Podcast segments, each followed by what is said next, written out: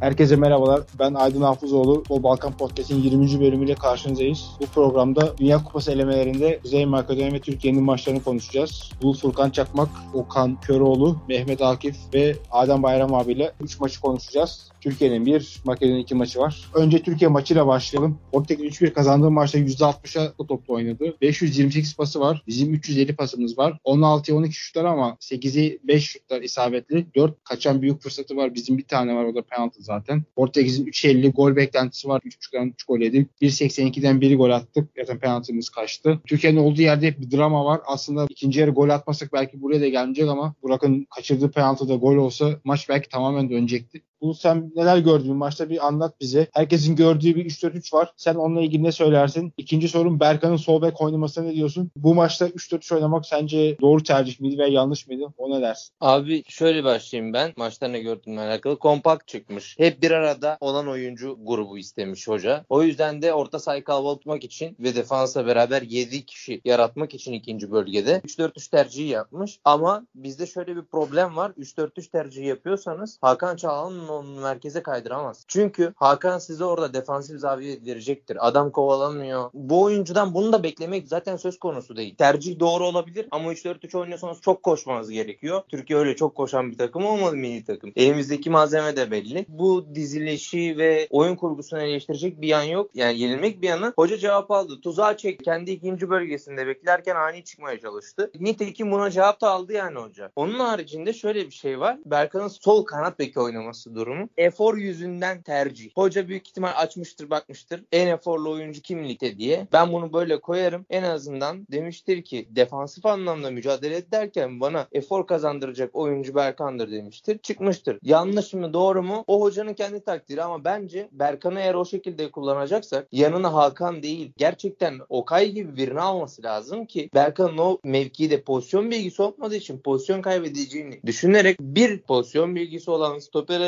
yatkın olan bir defansif orta sahayla daha çabuk çözüm üretebilirdi. Ama ben Hakan'ı kullanmasından yana da tek topla çıkabilirim mi düşündüğünü düşünüyorum abi. Okan sana sorayım buradan da. Orada Burak gol atsa fark değişir miydi? Bir de bu Portekiz'i nasıl buldu? Bize karşı sanki yenilmeyecek bir takım değilmiş gibi geldi bana. Abi ben Portekiz'in iki maçını da izledim. Makedonya ve Türkiye maçlarını da izledim. Portekiz'de açıkçası ben öyle böyle çok iyi futbol iki maçta da göremedim. Hani Türkiye maçında da özellikle de Burak'ın penaltı eğer gol olmuş olsaydı zaten maçtaki rüzgar bize dönmüştü. Bana katılırsınız diye düşünüyorum. Çünkü tam o pozisyon gol olsa son 5-6 dakikada biz golü çıkartırdık diye ben hissetmiştim. Baskımızı kurmuştuk. Az önceki Bulut'un dediği gibi hocanın sahaya kurmuş olduğu taktik ondan bir cevap aldı. Evet ama Berkan'ı kullanma şekli hiç hoşuma gitmedi açıkçası. Çünkü pozisyon bilgisi olmayan bir futbolcu sen oraya yerleştirdiğin zaman karşısındaki oynayan futbolcu Bernardo Silva ile Bruno Fernandes ile eşleşecek adamın Berkan'ın göbekte olmasını ben bekliyordum. Ki bundan daha iki hafta önce biz Barcelona deplasmanından çıkmış bir Berkan Taylan ikilisi vardı. Madem üçlü kullanılacaktı onların ikisini beklerdim göbekte. Ama onun haricinde şimdi Makedonya maçında mesela ben Portekiz çok dikkatli izledim. Hani bizim maçta tamamen Türkiye izledik ama mesela Makedonya maçında ben izlerken hiç hoşuma gitmedi Portekiz'in oynadığı futbol. Bir tane işte bir pas hatası yüzünden gol. Ronaldo şapkadan tavşan çıkarttı. Güzel bir pas verdi. Onun haricinde ben 90 dakika inanılmaz sıkıldım. Yani elimizden kaçtığını düşünüyorum ben maçın. Son günlerde hep üçlü savunma işte yani 3-4-3 oynanış hep tartışılıyor ya. Mesela şu an Beşiktaş'ta da aynı şey tartışılıyor. Tamam hoca bir cevap aldı bundan. Saha içerisinde bunun etkilerini de gördük ama hiçbir şekilde pozisyon ezberi olmayan, daha önce belki de hiç üçlü oynamamış bir futbolcu grubuyla bunu denemek benim için bir intihar gibiydi. Bambaşka bir şekilde çıkmış olsaydık bu Portekiz'i elemek zor olmazdı diye düşünüyorum ben. Makedonya'da Buyur. mesela yo, inanılmaz pas hatası olmasaydı Makedonya'yı ilk 30 dakikayı mesela hoca kendisi demişti yani ilk 30 dakikayı atlatmamız lazım diye. İlk 30 dakikayı atlatmıştı tam o dakikalarda gol yedi. Belki gol yemeseydi dirençleri kırılmayacaktı. Portekiz maçında bizim direncimiz hiç kırılmamıştı o Buran penaltısı kaçana kadar. Bizde de şöyle bir sorun vardı abi. Bizim de ilk yarı berbat. Hele ilk 30 dakika sahada Türkiye yok gibiydi neredeyse. Çok kötü başlamıştık. Sonra biraz zamanla oyuna alıştık. Bize de goller erken geldi. 15 ve 42'de geldi. Cengiz'in güzel bir asisti. Burak'ın golü ve sonra tabii kaçan penaltı. Devamında zaten üçü yedik. Ben Makedonya Türkiye'yi daha fazla beğendim oyun olarak. Türkiye'deki en büyük sorun herhalde bugün de konuştuk zaten. 3-4-3 mü? Berkan'ın sol bek oynaması mı? Hakan Çağhanoğlu ve Orkun'un orta saha oynaması mı? Mehmet hangisiyle başlamak istersin? 4-3'ten başlayayım. Diye düşünüyorum. Çünkü dolu dolu konuşuruz. Hem bu romantizm muhabbeti de var bu 3-4-3. Oradan gireyim diye düşünüyorum. Öncelikle ben bu romantizm muhabbetini aşırı yanlış bulan bir taraftayım. Bunun nedeni de bence ülkemizde işte 4-2-3-1 ya da 4-5-1 gibi kalıplaşmış oyun sistemlerinin dışında bir şey gördüğümüz zaman şaşırıyoruz. Ben şöyle düşünüyorum. Futbol bir ilim. Futbol çok geniş bir yelpazeye sahip. Biz ülkemizde bu yelpazeyi bence son 2-3 yıldır görüyoruz. Ama 3-4-3 Türkiye milli takımı oynayabilir. Çünkü bugün Merih baktığınızda takımında üçlüde oynuyor. Çağlar üçlüde oynuyor. Bunu Merih ile Çağlar örnek verme nedenim ise defans oyuncuları üçlüde çok önemli. Aslında aşina oldukları sistem. Ancak bazı maçlar vardır ki maça göre hareket etmeniz gerekir. Hemen yakın bir örnek vereyim. Galatasaray'ın Avrupa karnesine yakın zamanda deplasmanları. Hatta Torrent ne yaptı Camp Nou'da? Fatih Terim'in planın üzerine koydu ve Camp Nou'ya çıktı. Çünkü zaten doğru işleyen bir sistem var o tarafta. Neden bozası ki?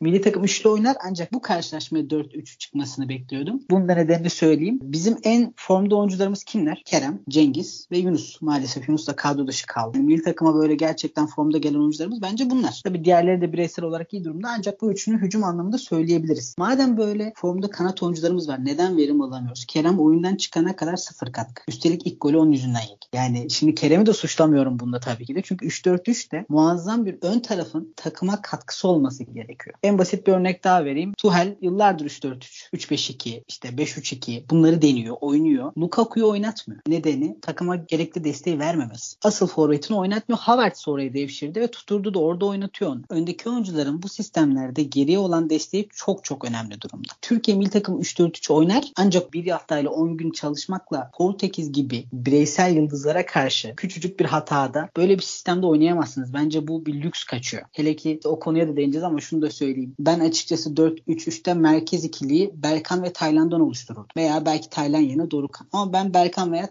Tayland diyorum çünkü ezbere bildikleri bir oyun var ortada. Hemen aşinalar. Birlikte oynuyorlar. Yan yanalar. Camp Nou gördüler. Avrupa karneleri. Marsilya deplasmanı. Herkes hatırlar diye düşünüyorum. Bu yüzden kadro tercihleri bence yanlış oldu maç özelinde. Özellikle Portekiz yenilmeyecek bir takım değil. Hatta ben sana demiştim konuştuğumuzda eğer biz Portekiz edersek bu Fernando Santos'tan ötürü. Çünkü gerçekten çok kötü hoca. Muazzam bir kadrosu var ama gerçekten çok kötü bir hoca. Ortada bir oyun yok yani. Ben Portekiz'i Kuzey Makedonya'da arkadaşlar da söyledi. Sıkıldım izlerken. Yanlış sistemden maçı verdiğimizi düşünüyorum ben. Daha çok Portekiz'in kazanmasından ötürü maçı verdiğimizi düşünüyorum. Böyle girmiş olayım. Bulut'a şeyi sormak istiyorum. Orta sahada Hakan ve Orkun var. Sen ileride Yediri Cumaklı dedin. Burak, Kerem, Cengiz üçlüsü ne kadar yardımcı oluyor ki Hakan ve Orkun gibi iki tane orta sahaya çıkıyorsun. Bir de karşında Bruno Fernandes, Bernardo Silva, yaşlı da olsa bir Moutinho, Otavio var. Muhteşem bir orta saha var karşında. Hele Fernandes ve Silva şu an dünyanın en iyi orta sahaları diyebiliriz. Abi ben üçlü tercih etmezdim zaten. Ama eğer üçlü tercih ediyor olsaydım Hakan ve Orkun kesinlikle tercihlerim içinde olmaz. Çok zayıf kalıyor. Merkezi kapatmamız gerekirken biz merkeze kalabalık olmamız gerekirken biz tamamen merkezi boşaltıyoruz. Zaten oyuncular meziyetli. istedikleri gibi at koşturdular abi. Belli bir 10 dakika var. Dominate Portekiz. Portekiz'de bir şey yok. Bunu yapamaz yani Portekiz. Hiçbir takıma karşı bunu yapamadı da. Biz biraz kompakt kalabilseydik direkt zaten eleyecektik bence. Eğer üçü tercih ediyor olsaydım ben de şu şekilde çıkmayı tercih ederdim. Taylan, Berkan ortada. En azından orada oyun pratiğinde kompakt almak olan, Avrupa karnesinde kompakt almak olan iki oyuncuyu kullanıp en azından merkezi sağlamlaştırırdım. Çünkü bu oyuncular zorlu deplasmanlarda bunları başarabildiler. Tutar da tutmaz da bilmiyorum. Çünkü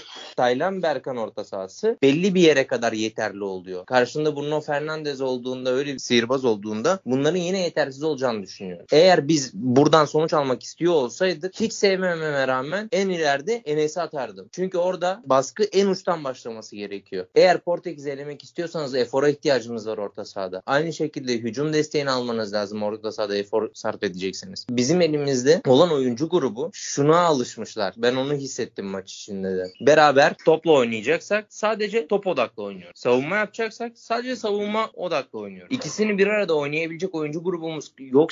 Ki bence biz daha kaliteliyiz Portekiz'de. Kumaş olarak. Ama iş bir yere kadar gitti. Hoca da cevap aldı cevap almadı değil. Ama bu iş böyle bir günde ben çıkıyorum üçlü oynuyorum. Ben çıkıyorum dörtlü oynuyorum demekle olmuyor. Bu tamamen pratik pratik. Eğer bir takım bir ekol olacaksa bir sistem oturacaksa 20 sene 30 sene 40 sene aynı oyun oynaması gerekiyor. Fabrika gibi olması gerekiyor. Altyapısından A takımına kadar. Çünkü sen bir oyuncuyu kaybettiğinde yaşlandığında gittiğinde alttan gelecek olan oyuncunun o fabrikanın devam eden ürünü olması gerekiyor. Ancak bu şekilde başarı elde edilebilir. Milli takımlarda özellikle. Normal takımlarda bundan bahsetmiyorum. Ama milli takımlarda alt yaş grubundan üst yaş grubuna zamana kadar bütün oyunların aynı şekilde oynanması gerekiyor. U19 takımının A takımla aynı şekilde hücum planıyla gol atması gerekiyor. Bize başarı tesadüfle geliyor ya da çok iyi bir oyuncu grubu yakalıyoruz. O şekilde başarı geliyor. Yine başarı gelecekti belki. Burak o penaltıyı gole çevirseydi işler tamamen değişecek. Moral olduğu zaman çoğu şeyi yapamayacak olsan bile yapıyorsun. Bizim gerçekten kaliteli üretim yapacak altyapıya aynı zamanda kaliteli oyun oynayacak, tek oyun oynayacak bir sisteme ihtiyacımız olduğunu düşünüyorum. Milli takım ancak böyle başarıya ulaşacağını düşünüyorum ben. Şimdi Okan sen 3-4-3 seven birisin. Orta sahaya senin tercihin ne olurdu? Eğer 3-4-3 çıkacaksan bir maça. Abi şimdi 3-4-3'e çıkman bazı maçlarda gerek verir. Ama az önce Bulut'un dediği gibi 3-4-3 oynayabilmek çok büyük bir ezberden geçiyor. Hadi ben bugün üçlü oynuyorum diye çıkıp oynadığın zaman başarısız oluyorsun. Portekiz maçında sen göbeğe Hakan'la Orkun'u koydun. İleriye Burak, Cengiz, Kerem yaptın. Burak'tan hiçbir şekilde destek alamıyorsun. E, Kerem zaten Galatasaray'da da aynı problemleri yaşıyor. Sürekli pozisyonunu kaybeder. O sen orada ondan da destek alamıyorsun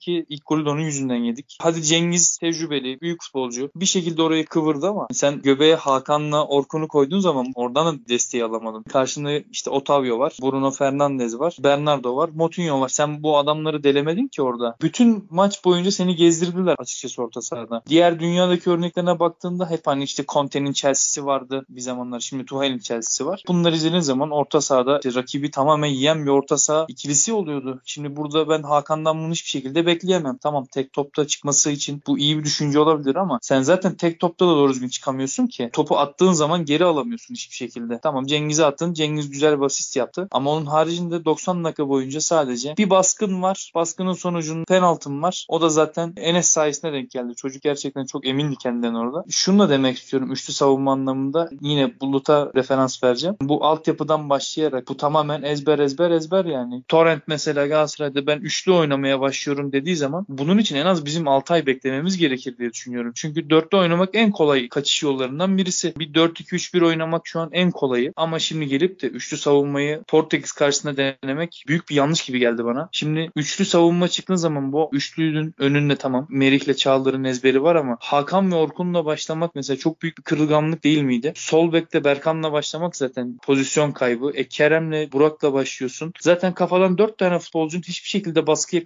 katılmıyorlar. Biz sadece geride tecrübeli iki tane savunmacımızın bir de işte Zeki'nin tamamen onların kaderine kalmıştık açıkçası. Mesela ben Taylan Berkan Okay'la başlamak isterdim. Hani üçlü çok sert bir orta sahayla. Ama en kırılgan olanını seçti Kuntz Hoca. 3-4-3'e en yakın Eri Özcan Fenerbahçe'sine gördük. Fenerbahçe'de bu sistem olmadı sezon başından beri. Herhalde bu 3-4-3'ün en büyük problemi birisi nerede duracağını bilmek veya pas açısı kapatmak. Bunun en yakın Sporting Lisbon'da gördük. Beşiktaş'a karşı. Onlar da üçlü oynuyorlar. Kapandıktan beşli oluyorlar. Fakat adamlar ip gibi dizilirken bizim üçlü kapandığı zaman beşli sistem hepsi birbirinden bağımsız. Herkes değişik bir yerde. Başı kesik bir tavuk gibi. Bizdeki asıl sorun bence bu. Yani. Rakibin pas açılarını kapatmak için bu sistemi tercih ettik. Ortada kalabalık olalım, durduralım diye bir sistemi tercih ettik. Fakat biz daha çok rakibi kovaladık. Sürekli rakip peşindeyiz. Berkan vardı, Zeki vardı. Bence bu sistemi bilmemekle alakalı. Dediğiniz gibi bu maçın hiç taktiği değil. Dörtlü defansa başladığın zaman ki en azından bir Makedonya kadar iyi bir defans yapardı. Daha iyi kapanırdık bence. Bizim maçta mesela ben hep şunu gördüm. Kim kenar stoper oynuyor? Bek çıktığında kim sağ açılacak, sola açılacak? İlk topta kim çıkacak? Sol tarafta Berkan var. Berkan tamamen çizgiyi mi kullanacak yoksa göbeği mi dörtleyecek, üçleyecek? Kimin nereye gideceği belli değil. Kerem gelip nereye baskı yapacak, nereye yardım edecek? Ya bunların hiçbirisine karar vermeden sahaya çıktığında evet abi senin dediğin gibi oluyor. Rakibi kovalayacağız. Tamam kovalamak da bir tercih ama yani sen kovaladığın adam Bernardo Silva ile Bruno Fernandes'i kovalıyorsun. E bir kovalıyorsun, iki kovalıyorsun. İşte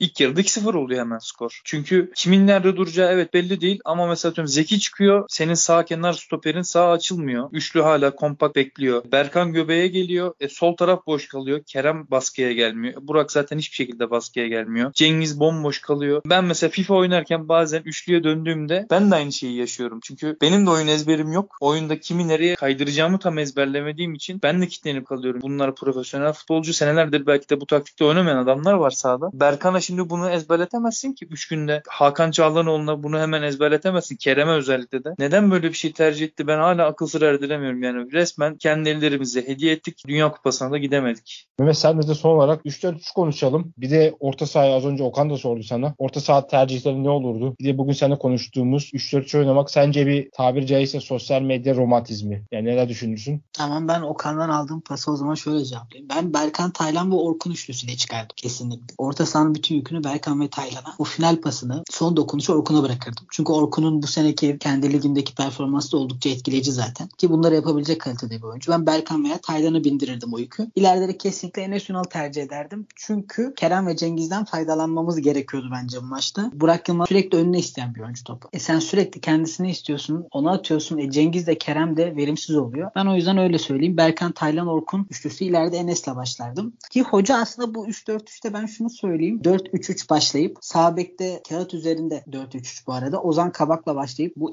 İtalya'nın Mainz'in Avrupa şampiyonası olduğu dönemde muazzam bir makine gibi işleyen bir sistemi vardı. Kağıt üzerine 4-3-3 duruyordu. Ancak hücum esnasında Spinazzola hemen sol kanat olarak gidiyordu. Chiellini kayıyordu. Dileranzo ile birlikte savunmayı üçlüyorlar. Biz bunu Ozan Kabak'la birlikte yapabilirdik. Kadroya baktığınız zaman Cengiz, Çağlar, Meri ve dönem dönem Orkun bu oyuna alışkın mıyız? Ancak bu oyunun en çok getirdiği yükümlülüklerden biri bence forvet. Yani Burak Yılmaz. Çok önemli bir mevki bu oyun için. Gerçekten savunma oradan başlıyor çünkü böyle sistemler. Oradan herhangi bir katkı almadığı için bayağı bir kötü bir performans oldu. Hem kendisi için hem de kaçırdığı penaltı da malum. Bir de şunu ilave etmek istiyorum. Portekiz'in orta sahasından bahsettik. Moutinho, Bernardo Silva muazzam yetenekler. Gerçekten böyle bahsedince Bruno Fernandes ve ben bir de çok zeki bir oyuncu var orada. Jota. Ya sen bu zeki oyuncuyu Orkun'la Hakan'ın arkasına bırakıyorsun. Yani Merih'le Orkun'un arasında, Merih'le Hakan'ın arasında bu oyuncu o bağlantı oyunu zaten bence Liverpool'da çok iyi yapıyor şu an. Böyle de kurnaz bir oyuncu var adamlar. E sen bunu da biliyorsun. İntihar gibi bir şey bence. O yüzden Berkan ve Taylan'ın özellikle olması gerektiğini düşünüyordum. Şöyle bir şey Hakan sanırım çıkmasının nedeni hocanın düşüncesi final paslarını atmak isteyişi. Hakan artık o final paslarını atsın ama Hakan zaten 2-3 defa 60 metre top peşinden koşunca atacak gücü kalmaz ki. Böyle de bir çelişki var ki bazı yerlerde artık topu almaya gitmedi stoperden veya kanattan. Çünkü yorgun artık. Alacak, atacak, bakacak, dönecek, çevre kontrolü zaman kazanma çok zor. Çünkü 60 metre koşmuş zaten topun peşinde. Oyunda aktif bir dinlenme yapması gerekiyor. Ki Hakan'dan verim nasıl alacağız? Böyle bir sistemde ki benim görüşüm milli takımın oyuncusu değil. Onunla yapamayız diye düşünüyorum ben. Ya da ona göre uygun bir sistem olması gerekiyor. Son olarak bir de şunu söylemek istiyorum. Az önce arkadaşımız bahsetti. Fabrika gibi işlememiz lazım. Pratik yapmamız lazım. Ben buna kesinlikle katılıyorum. Çok enteresandır. Biz Portekiz'de 3-4-3 oynadık. Ancak bir alt yaş kategorisinde Ersin Destanoğlu'nun maçını izlediğimde 4-2-3-1 oynuyordu milli takımımız. 3-4-3 ile 4-2-3-1 çok farklı şeyler. Herhangi buradan nasıl bir bağlantı, çok büyük bir çelişki şeyler bunlar. Türk Futbol Federasyonu içinde barındırdığı büyük çelişkiler. Bu 3-4-3 ve 4-2-3-1 bunlar romantizminde şöyle değinmek istiyorum. Biz ülke olarak bence doğru oyunu açlık çekiyoruz. Ve böyle şeyleri gördükçe de şimdi Beşiktaş'ın Ürcü hocası da tartışılıyor. Çünkü yıllardır ülkede görülen şey 4-2-3-1. Geriye mi düştün? Forvet'i çiftle. Öne mi geçtin? Forvet'i teke indir. Stoperden forvete gönder. Kanattan orta aç. içeri girsin, çalımlasın. İleride 3. bölgede bireysel performanstan verim al. Başka bir şey yok. Artık bunları Malezya Ligi'nde bile yapıyorlar. Artık futbol çok farklı. Futbol çok değişti. Bunları görememek ya da görmek istememek bence asıl soru işareti o. Bu yüzden bu 3-4-3 de 4-3-3, 3-5-2 sistemler romantizme yol açıyor maalesef. Özellikle sosyal medyada ancak kesinlikle doğru bulmuyorum. Yanlış olduğunu söyleyebilirim. Peki Mehmet teşekkür ediyorum. Abi son eklemek istediğim bir şey var. Buyur Bulut. Üçlü dörtlü oyun romantizmiyle alakalı. Abi üçüncü ligde, Treta Lig'de sürekli üçlü oynuyor. Ciddiyim. Biz bile bazı maçlarda oyun ezberi olmasına rağmen hocanın inadından dolayı kaybediyoruz. Ki biz üçlü oynarken Ahmet abi mükemmel yardım ediyor savunmaya. 35 yaşında tecrübesiyle durarak yardım ediyor. Ama sen şimdi Türkiye milli takımını Portekiz maçına çıkartırken yani 10 günlük antrenmanla sistem değiştirip çıkarsan kaybediyorsun. Elinle veriyorsun. Bir de Tedesco'nun dediği bir şey şu savunmada sürekli kareler oluşturmalısınız ve ortasına bir adam sokmalısınız. Yani 5 kişi half space'e sokman lazım. 5 kişi orta sahaya sokman lazım. 5 kişi savunmaya sokman lazım. Biz bu dinamizmi sağlayabilecek ileri uç hattımız yok zaten. Burak'la eksi birsin. Hakan 60 metre top koştursan ondan nasıl verim alırsın? Çok doğru söylüyor arkadaş. Onun dışında senin elinde kayıt yok ki sen Berkan'ı sol kanat beki oynat. Orta sahaya yardım etir. Savunma yaparken de kayıt ileriden gelsin. Sana o, Berkan'ın açını doldursun. Sonra gitsin ciğersiz gibi koşsun. Hücuma katkı ver. Bizim elimizde böyle bir adam da yok. Böyle bir sol açık da yok. Bunu hiç düşünmemiş hoca. Tamamen bence bir şeye aldanmış ama neye aldandığını bilmiyorum. Hakan'ın ayağının romantizmle aldandığını düşünüyorum. Sadece tek bunu düşündü bence yani. Başka hiçbir şey düşünmedi. Bir de abi bir dünya kupası daha da kaçırdık. Bir dünya kupası daha kaçırmayız inşallah diyorum. Biz yaşlandık artık siz görürsünüz diyeyim de hocanın ben Portekiz'in kaybettiği son birkaç maçta Avrupa Şampiyonası'nda rakiplerin üçlü oynadığını tweetini okudum. Tam emin değilim bu arada ama hoca Portekizli analiz ederken rakiplerin üçlü oynadığını görmüş. Bunlara tercihen üçlü çıktığı söyleniyor. Böyleyse önemli maçta bunu yapmak tamamen ayağına sıkmak.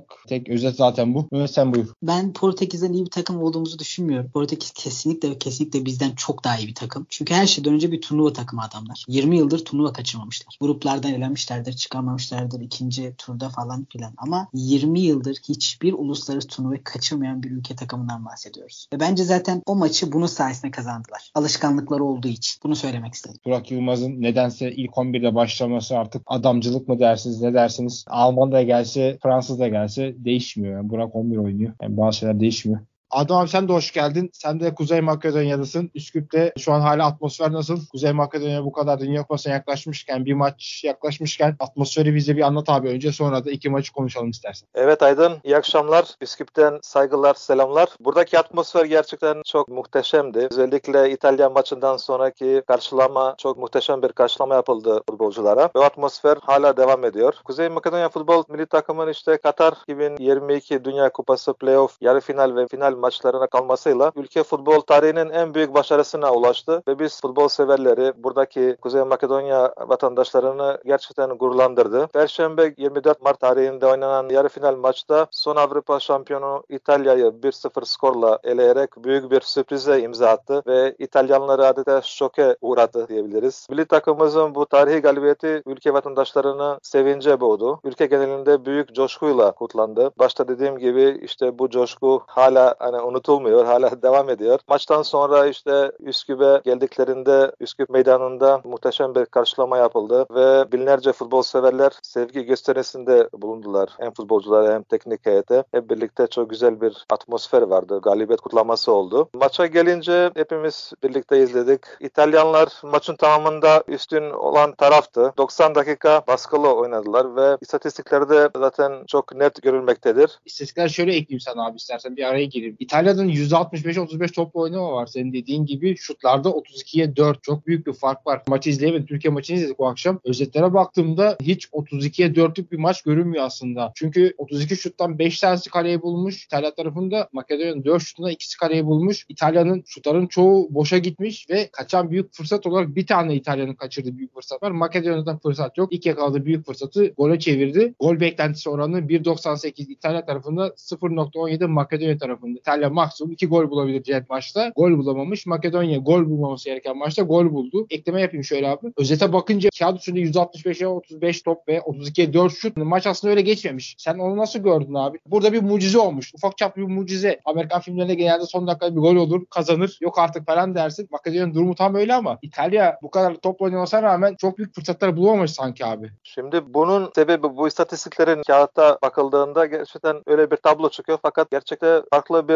tablo vardı aslında oyunda. Bunun en büyük sebebi Makedonya takımının orta sahasının Barella, Jorginho ve Verratti üçlüsünün iyi kapattılar ve gole yaklaştırmadılar aslında. Yani bütün bu şutlar ceza sahasının önünde bir şekilde bloke edildi. İsabetli şutlar aslında olmadı dediğin gibi. Evet 5'e 2 idi. Güzel bir taktik bir defans oyunla gerçekten Kuzey Makedonya maçı iyi idare etti ve İtalyanların işte en tehlikeli oyuncularını durdurmaya başardı. Bir tek Berardi zaten en büyük tehlikeli oyuncuydu. Yani birkaç gol şansları, fırsatları buldu. Onun dışında pek böyle %100 gol şansları bulamadı. Kuzey Makedonya kontra ataklarla zaten rakip kalesinde tehlike yaratmaya çalıştı. Ve nihayetinde işte 90 artı 2'de Alexander Trajkovski'nin attığı golle tarihi galibiyete ulaştı Kuzey Makedonya milli takımı. Biliyorsunuz Alexander Trajkovski 3 yıl Palermo'da oynadı. O sahayı çok iyi tanıyan bir futbolcu olarak bir de benzer pozisyonlardan birkaç gol attı Palermo formasıyla. Çok ilginç bir heyecanlı maçtı. Hepimiz tabi sevindik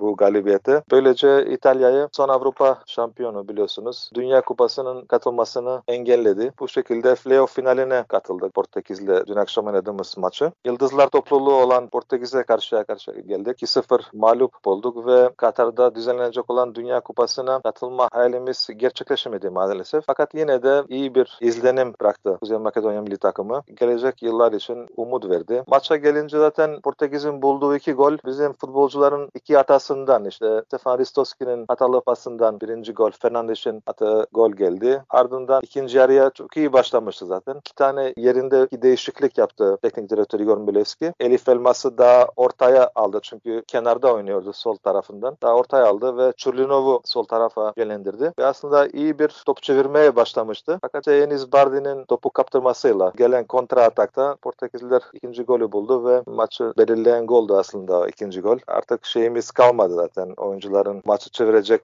kuvveti de artık yoktu ve böylelikle 2-0 mağlup oldular. Fakat dediğim gibi yine Kuzey Makedonya bu iki maçta çok güzel oyun oynadı aslında. Karşılarında çok güçlü rakipler vardı. Avrupa şampiyonu İtalya, eski Avrupa şampiyonu Portekiz, Yıldızlar topluluğu, Ronaldo'lu, Jota'lı, Fernandes'li bir takımla oynamak zaten kolay değil. Ama yine de çok fazla yani ezilmedik sonuçta. Aradaki kalite farkı çok büyük gerçekten. Ama buna rağmen iyi tutundu Kuzey Makedonya futbolcuları. Bu takım gerçekten çok iyi bir takım ruhu var aslında. Futbolcular arasında mükemmel pozitif bir takım ruhu var. Arkadaşlık ilişkileri en yüksek düzeyde. Olumlu özellikler zaten takım oyununa da en iyi şekilde yansıyor. Takımın milli yapısı biliyorsunuz Kuzey Makedonya'da farklı etnik topluluklardan oluşuyor. Takımda işte Makedonu, Arnavutlu, Türk, Boşna vesaire. Buna rağmen aralarında çok mükemmel bir uyum içinde ve bir yek vücut halinde hareket ediyorlar ve bunun da sonuçları zaten son yıllarda çok açık görülmektedir. Bu takımın omurgasını oluşturan zaten oyuncular hatırlarsanız 2017 U21 Polonya'da düzenlenen Avrupa Şampiyonası'na katılmıştı e, Kuzey Makedonya takımı. İlk defa tarihte bir şampiyona katıldık. O futbolcuların birçoğu bugün A milli takımında zaten omurgasını oluşturmaktadır. Elif Elmas, Musliu, Enis Bardi, Velkovski, David Babunski, Kostadinov vesaire. Bu jenerasyondan beklentiler çok fazla. Daha çok genç. Genç olmadan rağmen iyi tecrübe kazandılar. Uzun zaman birlikte oynuyorlar ve ileride büyük başarılara imza atacaklarını bekliyoruz zaten. Beklentiler o yönde. Umarız 2026 Dünya Kupası'nda katılma hakkı kazanırız. Zaten 2000 Avrupa Şampiyonası'na katıldık ilk defa tarihimizde. Artık hedefimiz e, Dünya Kupası'na katılmak olacaktır. Biliyorsunuz bu playoff maçlarına gelmeden önce grup eleme maçlarında çok güçlü rakipler vardı zaten. Almanya, Romanya, İzlanda gibi güçlü rakipler vardı. Ona rağmen grup ikincisi olarak playoff'a katılma hakkı kazandı. Hatırlarsanız Almanya bile deplasmanda mağlup etmiştik. O da çok ses getirdi o maç. Kısacası bu takım geleceği parlak olan bir milli takım. Bu takımda zaten ilk 11'de ve geniş kadroda işte ilk 16'da oynayan takımların hemen tamamı hepsi yurt dışında oynuyorlar. Genç ve yetenekli futbolcular. Artı şu anki U21 takımında da birkaç yetenekli oyuncularımız var. Onlarla birlikte onlar da A takıma dahil oldukları zaman gerçekten çok güzel bir karışım olacaktır. Teşekkürler abi. O zaman ben de şöyle birkaç not ekleyeyim. Ben de dün maçı izledim. Dün ben Makedonya'da o kadar kötü bir oyun görmedim. Sadece dediğin gibi, sen anlattığın gibi iki şanssız pozisyon vardı ki Ristovski'nin hatasından gelen bir takımın orada bir hevesi kırıldı. İkinci yarıda yine iyi başladı. Orada bir yine gelen bir ikinci hata ve gol. Makedonya aslında gayet iyi bir top oynadı. İtalya maçında 1.98'den gol yemeyen takım burada 1.46 gol beklentisinden gol yedi. Tek farkı İtalya maçında daha fazla şut denenmiş, daha fazla gol beklentisi var. Burada Makedonya gol beklentisi 0.09. Makedonya hücumunda çok yetersiz kaldı. Portekiz yenilmeyecek bir takım değilmiş aslında. Hem Türkiye hem de Makedonya biraz doğru bir oyun olsaydı mutlaka eleyebilirdi. Makedonya da aslında ona yaklaştı. Biraz daha bir 30-40 dakika daha direnebilseydi, gol yemeseydi, hata yapmasaydı Makedonya'nın şansı olduğu kesinlikle düşünüyorum. Bilezik Hoca gayet iyi bir takım kurmuş. 4-4-2 oynuyor. Bazen değiştirerek dün dediğin gibi 4-2-3-1'e döndü Elif Elmas'la birlikte. Hoca bir şeyler deniyor. Kuzey Makedonya Avrupa Şampiyonası'ndan sonra bana da çok iyi izlenimler verdi. Takımın geleceği gerçekten parlak görünüyor. Dediğin gibi işte Portekiz'de gerçekten iyi oynadık. Kısacası güzel bir iki maç oldu. Önümüzdeki dönemde başarılı bir şekilde bu performansı devam ettirecektir mutlaka bu takım. Az önce dediğim gibi potansiyeli var ve geleceği parlak oyunculardan oluşan bir takım ve takım ruhu havası çok üst seviyede. Beklentiler büyük futbol sever olarak ve bir Kuzey Makedonyalı vatandaş olarak bu milli takım jenerasyonun daha büyük başarılara elde etme kapasitesini görüyorum ben şahsen. Umarım böyle de olur. Peki o zaman Evet. hepinize çok teşekkür ediyorum. Güzel bir yayın oldu. Türkiye'yi hem Kuzey Makedonya'yı konuştuk. Herkese iyi akşamlar. Bir dahaki podcast'te görüşmek üzere. Hoşçakalın.